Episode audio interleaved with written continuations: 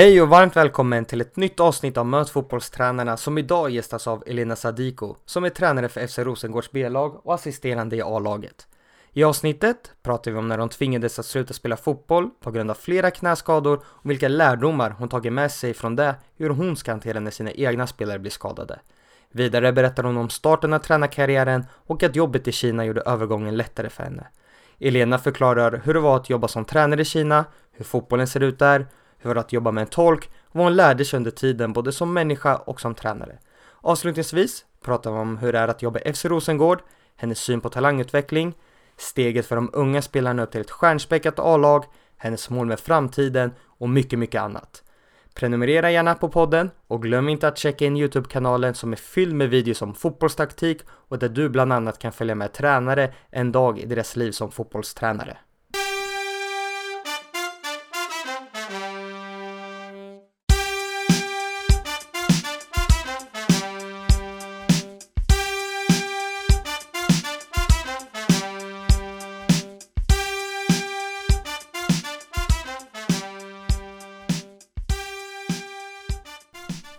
Ålder? 26. Familj? Jag, tre bröder, mamma och pappa. Bor? Malmö. Bästa spelaren du har tränat? Här ska jag dela in lite fort här. Men eh, i Kina så var det Vero Bukete och Goyasha. Eh, här i Sverige, eh, etablerad spelare, Caroline Seger. Talanger som jag fått följa nu under min roll som huvudtränare i F19 så skulle jag säga jättekul att se utveckling bland eh, två spelare som heter Olivia Lindstedt och Matilda Kristel. Favoritlag? Real Madrid. Då är vi två stycken så det är bra. Trevligt. Förebild? Eh, jag skulle säga mina föräldrar. Naturgräs eller konstgräs? Just nu säger jag konstgräs. Kostym eller träningsoverall på match? Träningsoverall, snygg träningsoverall. Vad gör du på match då? Jag tränar oftast och eh, får ner lite, bort lite energi så man kan vara lite lugn på matdag. Favoritsyssla utanför fotbollen? Eh, lite olika grejer, bland annat laga mat, eh, spela lite olika sporter som basket, pingis och så vidare.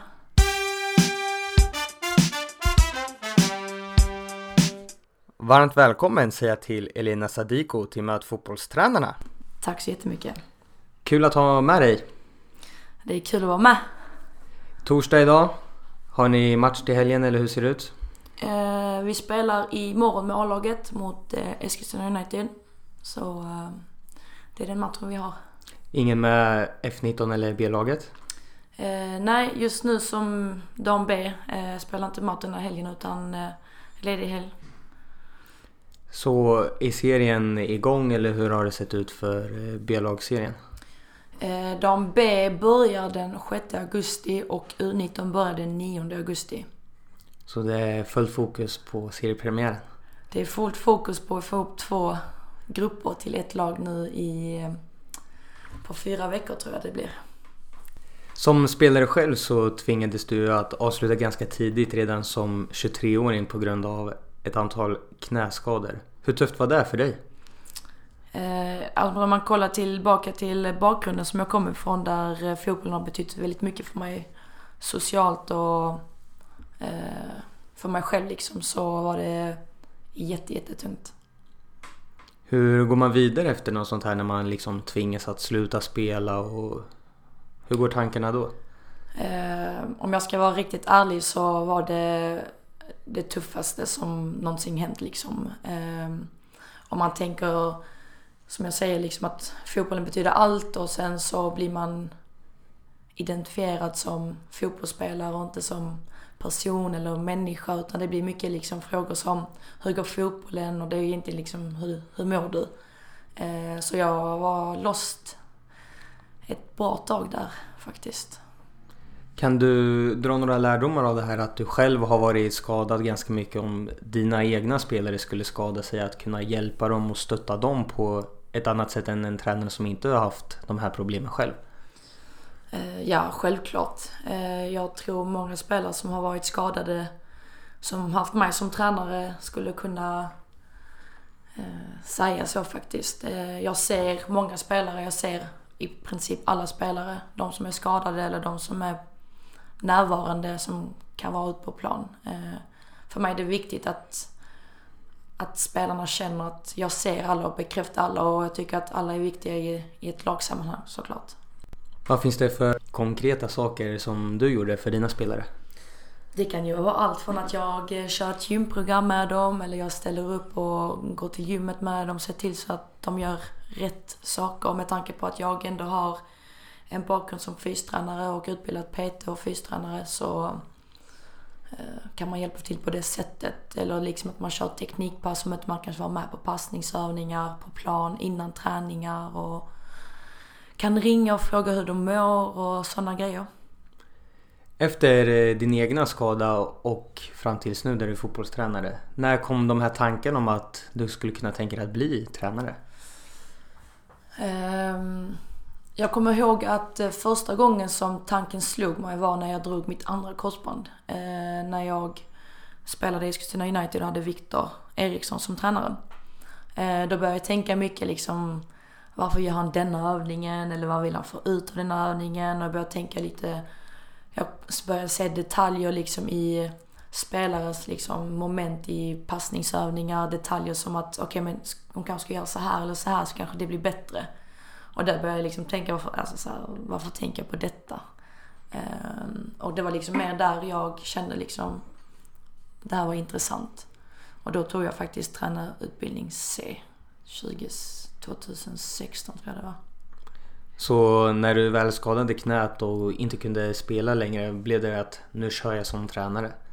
Nej, alltså inte riktigt. Utan jag mådde riktigt dåligt faktiskt efter. Med eh, allt med att min karriär var avslutad så visste jag redan när jag drog korsbandet faktiskt. Men jag dröjde ett halvår för mig att acceptera det. Eh, och sen fick jag infektionen och det fick mig att må ännu sämre. Eh, så jag kände liksom att jag ville bort från fotbollen helt först. Alltså jag ville inte se fotboll, leva i fotbollsvärlden, jag ville bara därifrån. Det var mer i slutet av 2017 som jag kände typ så att nu är min dröm borta. Och nu vill jag se till så att spelare som jag tränar ska få göra, alltså ska känna liksom att det är en stor möjlighet att lyckas. Och att jag kan vara en tränare som stöttar eh, och som gör allt jag kan för att vägleda dem till deras slutdestination eller mål.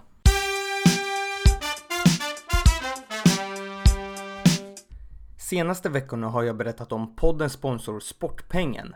Nu under Corona har många klubbar och föreningars ekonomi drabbats hårt och jag vill verkligen slå ett slag för att ni ska testa på Sportpengen som är helt webbaserat och du slipper knacka dörr och sälja kakor och lotter. Ditt lag samlar istället in pengar genom att göra mål, spela matcher eller vinna matcher. Och ett lag som använder sig av tjänsten är GIF Sundsvall i Superettan. Denna lösning tycker jag hade varit drömmen själv som spelare istället för att tvingas sälja slut på sina lotter man blir tilldelad och som det alltid slutar med att man tvingas köpa dem själv. Om du vill veta mer eller registrera ditt lag som endast tar 4 minuter, då tycker jag att du ska gå in på sportpengen.se tranare. Jag skickar med en länk i beskrivningen. Stort tack till Sportpengen!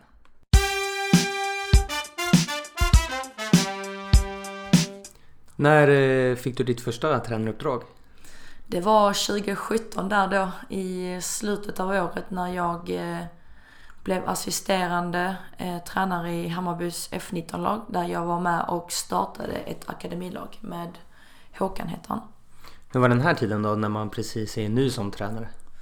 den tiden var jättetuff för att vi tränade alltid efter A-laget och det var liksom mina forna lagkamrater, fortfarande vänner som man så man levde i det här bara, oj, för dem är det normalt och för mig är det liksom jättelångt bort. Alltså jag kommer aldrig kunna spela fotboll igen. Så det var väldigt, väldigt tufft. Och jag kände liksom, det var jättekul att vara tränare men saknaden var verkligen där. För att jag, det var så mycket bekanta alltså ansikten, det var mina forna lagkamrater, min gamla tränare. Alltså det var verkligen, det var för fast tror jag.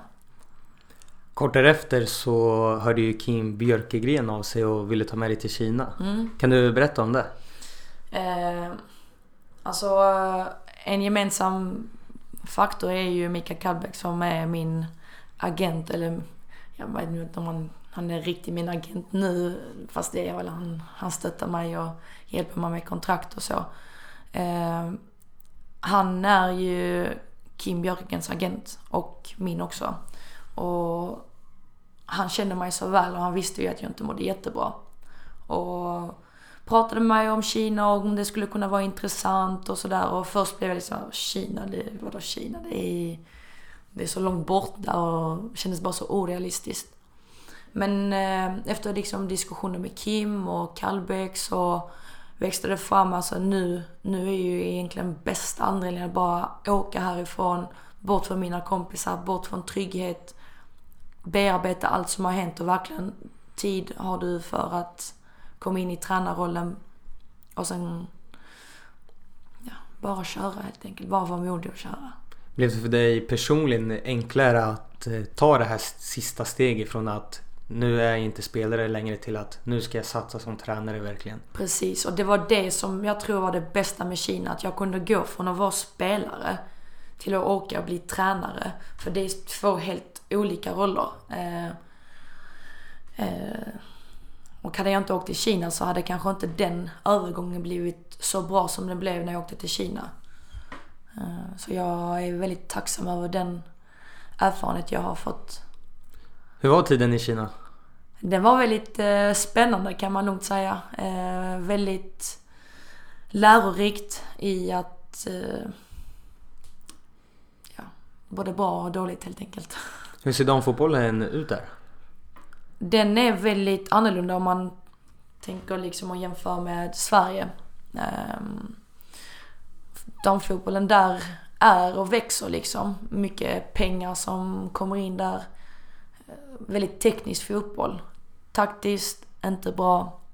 Belastningssätt, alltså om man tänker kring belastning, inte bra. De tränar två, tre timmar per pass, om inte fyra ibland.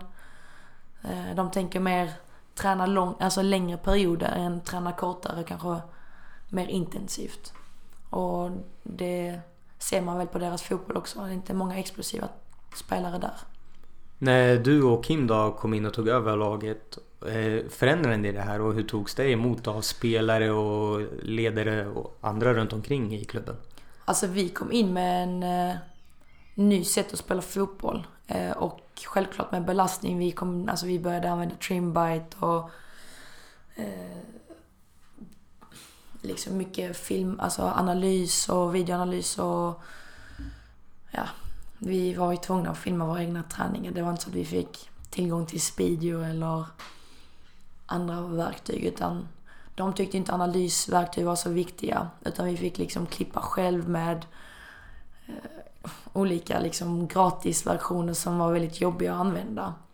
Ehm, de var inte, som sagt, de var inte riktigt övertygade om att det är så här man jobbar. Vi fick ju inte betala liksom för olika verktyg, utan vi fick själva i så fall pröjsa för det. Vi fick inte analys för att scouta andra lag, så vi visste ju ingenting om andra lag. Ehm, så vi var tvungna att liksom fråga en agent från Kina som skulle kunna skicka matcher till oss. Um, spelarna blev väldigt chockerade, liksom att man frågade vad tycker ni eller frågade öppet liksom vad säger ni här eller alltså det var verkligen kolla på mig och Kim och bara alltså det är ni som ska berätta för oss liksom. Så det var jättestor skillnad. Jätte, jättestor skillnad. Hur såg din eh, rollbeskrivning ut? Alltså min eh, första liksom eh, roll var ju fysansvarig. Eh, men assisterande tränare blev ju mer in på ju mer tiden gick för att Kim kände väl mer att han kunde lita på mig eh, som, som tränare än våra sex, sju andra assisterande tränare som kom från Kina liksom. Hur såg eh, staben ut? Ja, det var jag, eller Kim var ju huvudtränare och jag var assisterande. Blev mer hans höga hand. och alltså jag tror det var sju, åtta, ja, ungefär där assisterande tränare som vi fortfarande inte vet idag vad de riktigt gjorde faktiskt. Men hur eh, jobbade ni då? Satt ni i långa möten innan de planerade och de... Alltså hur fungerade det med? Ja, alltså det var det som var lite ja, konstigt för att vi fick ju inget tränarrum eller så utan vi var från lägenhet direkt in på arenan. Vi samlades där lite innan. Gick igenom träningen. Och sen så liksom sköta träning. Det var jag och Kim som drev träningarna. De andra gjorde inte jättemycket om jag ska vara ärlig. Det var lite mer liksom materialhjälp. Um, ja, det var ju... Det var ju så. Det, man har ju glömt bort hur, hur tiden i Kina var. Man har ju försökt förtränga mycket grejer. Hur ser själva fotbollen ut med allt runt omkring? Hur professionell är den i Kina? Jag och Kim försökte göra det väldigt professionellt liksom. Ehm, allt från liksom hur man la upp träningar och att man ska liksom, det ska vara dukat och de ska få en aktiveringsprogram innan och alla ska göra någonting tillsammans så att det inte och liksom analys inför match och efter match. Ehm, men jag tror inte många lag jobbar så. Det tror jag inte. Hur många spelarna förstod och pratade engelska hos er? Eh, det var, Vero var ju en spelare som vi hade, hon pratade ju engelska. Ehm, sen var det kanske max två, tre spelare som kunde liksom föra en dialog med oss. Ehm, annars var det hello, goodbye, how are you? Jobbade ni med en tolk då eller? Ja precis, vi hade två tolkar. Ehm, där jag Kim hade en tolk var kan man säga. Och sen hade andra spelare en tolk som, som försökte hjälpa oss åt. Men eh, det var en tolk som man verkligen fick bra hjälp av som man kunde lita på. Så det var ju verkligen tur att man kunde känna att man kunde lita på att det man sa faktiskt sades. Vad hände då? Vad gjorde de andra tolkarna? Sa de tvärtom vad ni sa? Nej, men det är ju det man inte riktigt vet liksom. Eh, det är det jag menar, vi hade två tolkar. En där vi verkligen fick en bra relation med och en som vi inte kände vi fick med oss för att det är ju sån stor kulturkrock. Han som vi klickade med, det, han tänkte lite mer som oss utlänningar. Och han andra var verkligen så här, alltså fyrkantig i hur, hur det är i Kina. Hur var det som tränare att eh, liksom du säger en sak till tolken som ska säga någonting till spelarna så ska spelarna förstå rätt och göra rätt på planen? Um, alltså jag är väldigt drivande som, som, som tränare och när man är drivande i ett moment i träningen och man måste liksom få tolken att försöka vara lika drivande så att det ger liksom samma signaler. Eller man trycker på en viss grej. Då vill man också att tolken ska trycka på den grejen liksom. Eh, så det, det skötte han bra om jag ska vara ärlig. Så att det är jag nöjd med. Men det är klart man tappar. Man tappar där i kommunikationen. Utanför planen, hur såg livet ut då i Kina? Ehm, det var ju väldigt ensamt. Ehm, det var ju bara jag och Kim och det var inte så att man skaffade nya vänner. Ehm, men det var ju en alltså väldigt lärorik tid och många tankar var tvungna att utarbetas med tanke på det jag fick gå igenom alltså året innan. Så det var väl bara bra att jag fick vara ensam. Vad skulle du säga att du lärde dig både som människa men också som fotbollstränare där? Eh, som människa växte jag väldigt mycket i mig själv. Eh, där jag faktiskt har varit väldigt eh, sällskapssjuk innan. Liksom att man alltid vill hänga och liksom ha sällskap och så vidare. Men när jag var i Kina så att vara själv var inte skrämmande längre utan det var faktiskt väldigt nyttigt för att man, man lär känna sig själv väldigt, väldigt bra. För att man måste hela tiden liksom bearbeta tankar som kommer upp. Eh, så personlig utveckling skedde jättemycket. Jag blev också väldigt mycket lugnare som, som person och det är väl bra det också. Ni fick ju förfrågan om att förlänga era kontrakt där men valde att inte göra det. Hur kom det sig att det inte blev en fortsättning? Eh, precis. Vi fick, eh, vi fick alternativ och kontraktsförslag men jag kände inte riktigt att det var där jag ville vara för fortsatt utveckling utan jag hade inte heller bott hemma i Malmö på väldigt, väldigt länge eftersom jag hade spelat i andra föreningar. Eh, så då blev det helt enkelt liksom att jag ville bara hem och vara nära min familj och hem till i alla fall Sverige. Eh, sen blev det ju Malmö.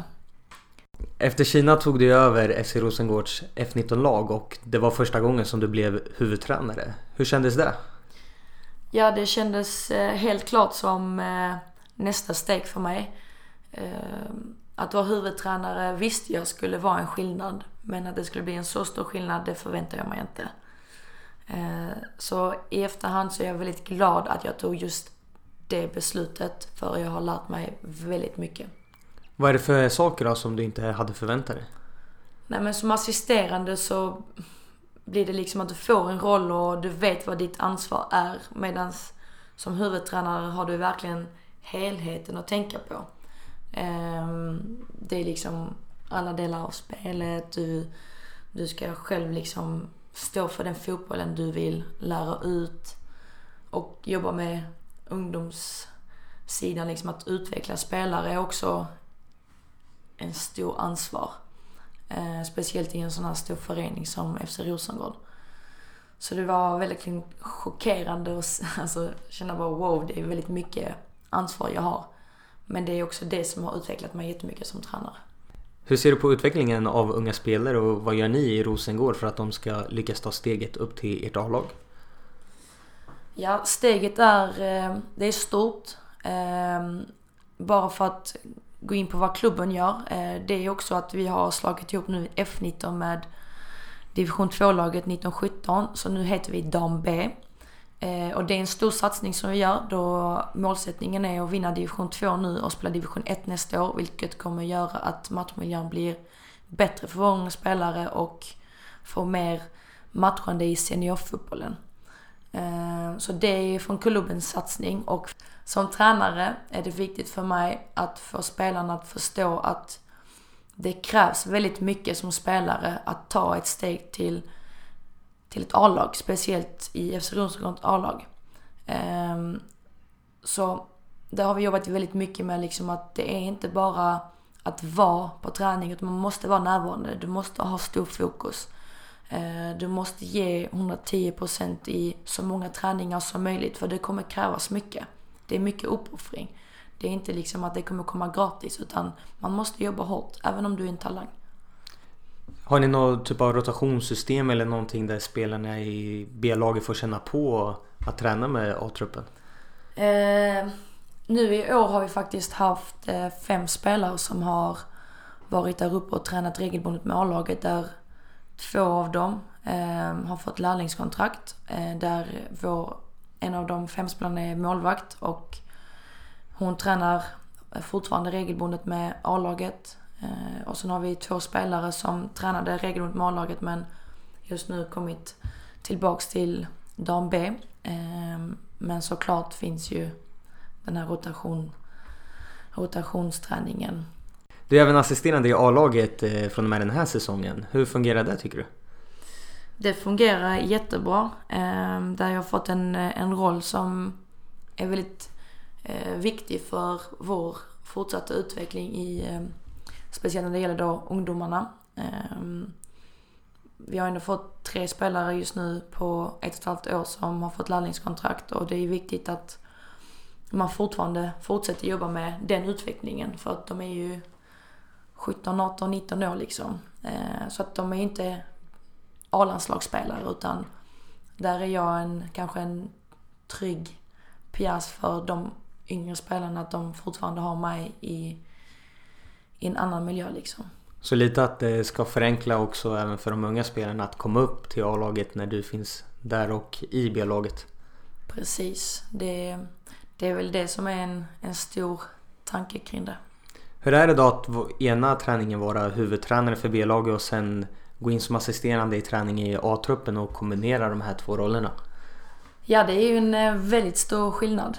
Um, för om man tänker, om man tänker i dam B, där eh, jag just nu är faktiskt huvudtränare tillsammans med René Slegos så är det liksom att du har kontroll, du är med och driver, du...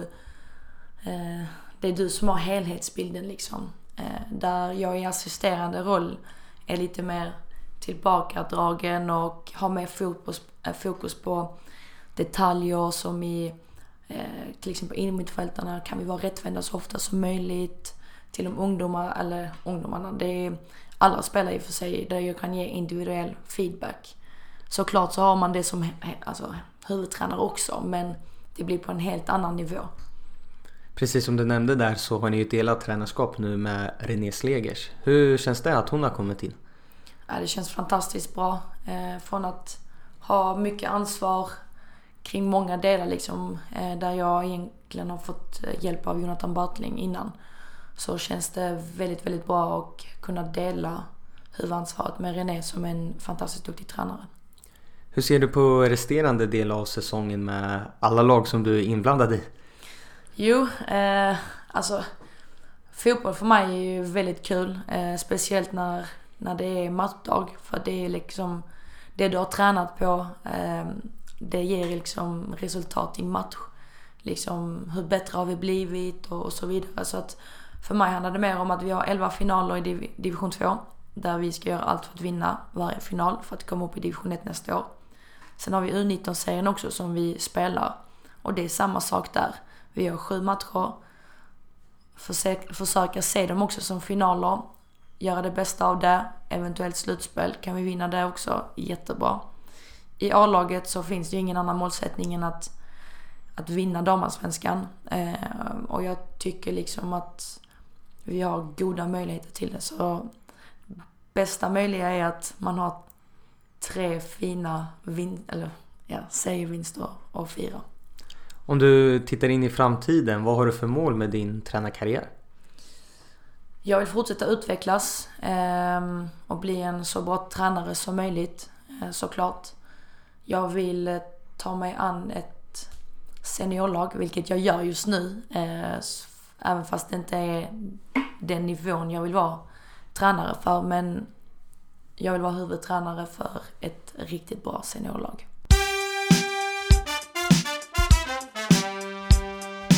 Guldskölden är tillbaka och bland annat ska årets sportpodd utses. Jag skulle bli enormt tacksam och glad om du vill rösta på Möt fotbollstränarna till just årets sportpodd. Detta gör du på svenskafans.com. Tack! Vad är dina främsta styrkor som fotbollstränare skulle du säga? Eh, jag skulle säga mitt ledarskap, eh, mitt sätt att leda då ett lag, mitt sätt att se fotboll som jag gör och min passion för fotbollen, min energi och det drivande som jag har. Vad skulle du säga är ditt nästa steg som du gärna skulle vilja utvecklas på och bli ännu bättre på? Det jag vill utveckla mig mest inom just nu, det är matchanalys. Kunna analysera motståndare ännu bättre bara för att kunna ge ännu mer tydliga, eh, tydliga prestationer eh, för spelarna. Vilken tränare skulle du vilja lyssna på i podden? Jag, eh, jag skulle faktiskt säga de jag har jobbat med, eller jobbar med. Så jag säger René Slegers och Jonathan Bartling. Stort tack att du tog dig tid och ville gästa podden. Tack så jättemycket.